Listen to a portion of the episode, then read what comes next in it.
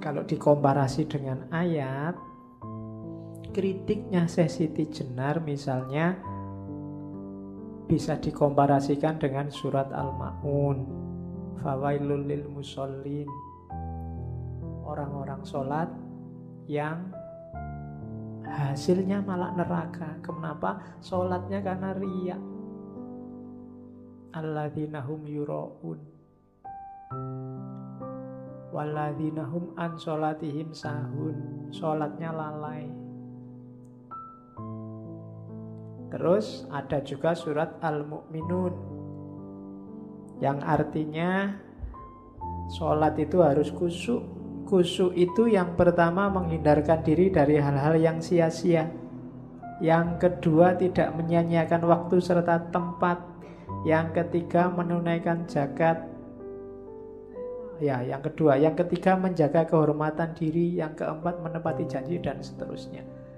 Jadi semua yang diomongkan saya Siti Jenar itu ini kan karena banyak yang kritik dianggap saya Siti Jenar itu ngarang tidak ngerti syariat tidak pernah ngaji.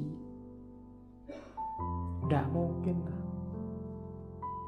kalau dilihat dari silsilahnya beliau masih ada garis keturunan sampai ke Nabi. Jadi itu banyak. Cuma cara beliau menyampaikan melihat situasi saat itu. Oke terakhir. Ini tentang puasa. Mumpung sebentar lagi puasa. Katanya saya Siti Jenar yo poso yo iya. Poso itu hasilnya apa kemampuan untuk melaparkan diri ngelakoni weteng kudu luwe. Maksudnya apa? Kemampuan mengendalikan hawa nafsu. Itu panennya orang puasa. Dengan puasa kita terlatih terkendali. Imsak, makanya ada batas kita tidak boleh makan lagi namanya imsak. Yaitu imsak lahir. Imsak batinnya apa? kita mampu mengendalikan hawa nafsu. Itu puasa. Jadi besok latihanlah mengendalikan diri. Tadi di awal saya bilang, mau coba bikin target-target spiritual untuk satu bulan besok. Entahlah kamu latihan apalah satu bulan. Biar hari raya beneran. Ya kalau bingung ya entahlah apal-apalan kulu Allah atau apa-apa gitu. Itu target selama satu bulan. Dan itulah namanya puasa hakiki. Hasilnya puasa hakiki itu jiwa yang bersih. Kalau bahasa tasawufnya yang lain taholli. Ego, hawa nafsu itu hilang semua. Dan minggu depan kita perdalam ini di Sunan eh kok Sunan. Dua minggu lagi kita perdalam ini di Ghazali yang nulis Asrorusia puasa yang hakiki tidak cuma dapat lapar dan haus dan nggak cuma mindah waktu makan. Kadang-kadang puasa pengeluarannya lebih banyak. Karena makannya harus enak, jumlahnya tetap tiga. Waktu maghrib sekali, mau tidur sekali, sahur sekali, itu podo Jumlahnya tetap tiga dan nggak mau nggak enak, harus enak. Jadi pengeluarannya lebih besar. Akhirnya kan nggak jadi puasa, cuma mindah waktu makan. Ya. Oke ya. Apalagi yang ngincer takjilan. Hari ini masjid sini, besok masjid sana. Iya. Dan nanti dikomparasi, didiskusikan ini masjid sing paling enak sing di mesti gitu. Oke.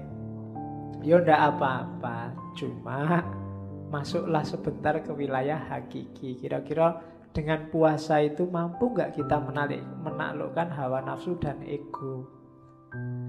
Berani nggak misalnya kalau pas kita puasa, HP juga puasa, internet juga puasa kecuali habis buka puasa misalnya. Tidak akan balas WA sebelum buka puasa misalnya. Kalau kalian kan dibalik, ya justru wa itu kalau siang pak, kalau malam makan. Nah, itu latihan-latihan rohani. Tidak apa-apa ya. Kalau sudah sukses itu dalam arti sudah nggak terikat lagi oleh WA, nggak tergantung lagi oleh internet. Nanti WA-nan dengan tidak terikat. Hari ini kan kita terikat luar biasa. Banyak sekali hal-hal yang tidak harus bikin kita tergantung. Sekarang kita tergantung. Tergantung oleh listrik, tergantung oleh BBM, terus tergantung internet juga. Tergantung lagi, nggak cuma internetnya, Facebooknya sekarang bikin ketergantungan, WA-nya bikin ketergantungan, Twitternya bikin ketergantungan. Semakin berat kita menuju Allahus Somad iya karena butuh wa iya karena stain resikonya kayak saya sisi general tadi susah untuk sholat kusuk apalagi sholat torek apalagi sholat daim. Makanya satu-satunya jalan apa? Latihan. Nggak usah ambisius nggak usah wah ini minggu depan saya mau jadi wali kayak saya Siti Jenar Raiso ya pelan-pelan dikit-dikit ditaklukkan pelan-pelan. Nafsu itu triknya di situ. Yang ambisius biasanya akhirnya malah kalah. Pelan-pelan, taklukkan pelan-pelan. Karena jiwa kita itu butuh pembiasaan-pembiasaan. Kalau sudah terbiasa lebih gampang. Kalau drastis agak susah. Maka pelan-pelan ya kalau sholat kita hari ini Allah hanya 5% mewarnai, ya besok ditambah jadi 6%. Kalau kemarin ingat Allah itu awalnya saja Pak, pas Allah Akbar, setelah itu lupa. Ya nanti ditambahin Allah Akbar sampai Fatihah ingat. Setelah itu agak lupa. Latihan kecil-kecil gini lama-lama jiwamu terbiasa.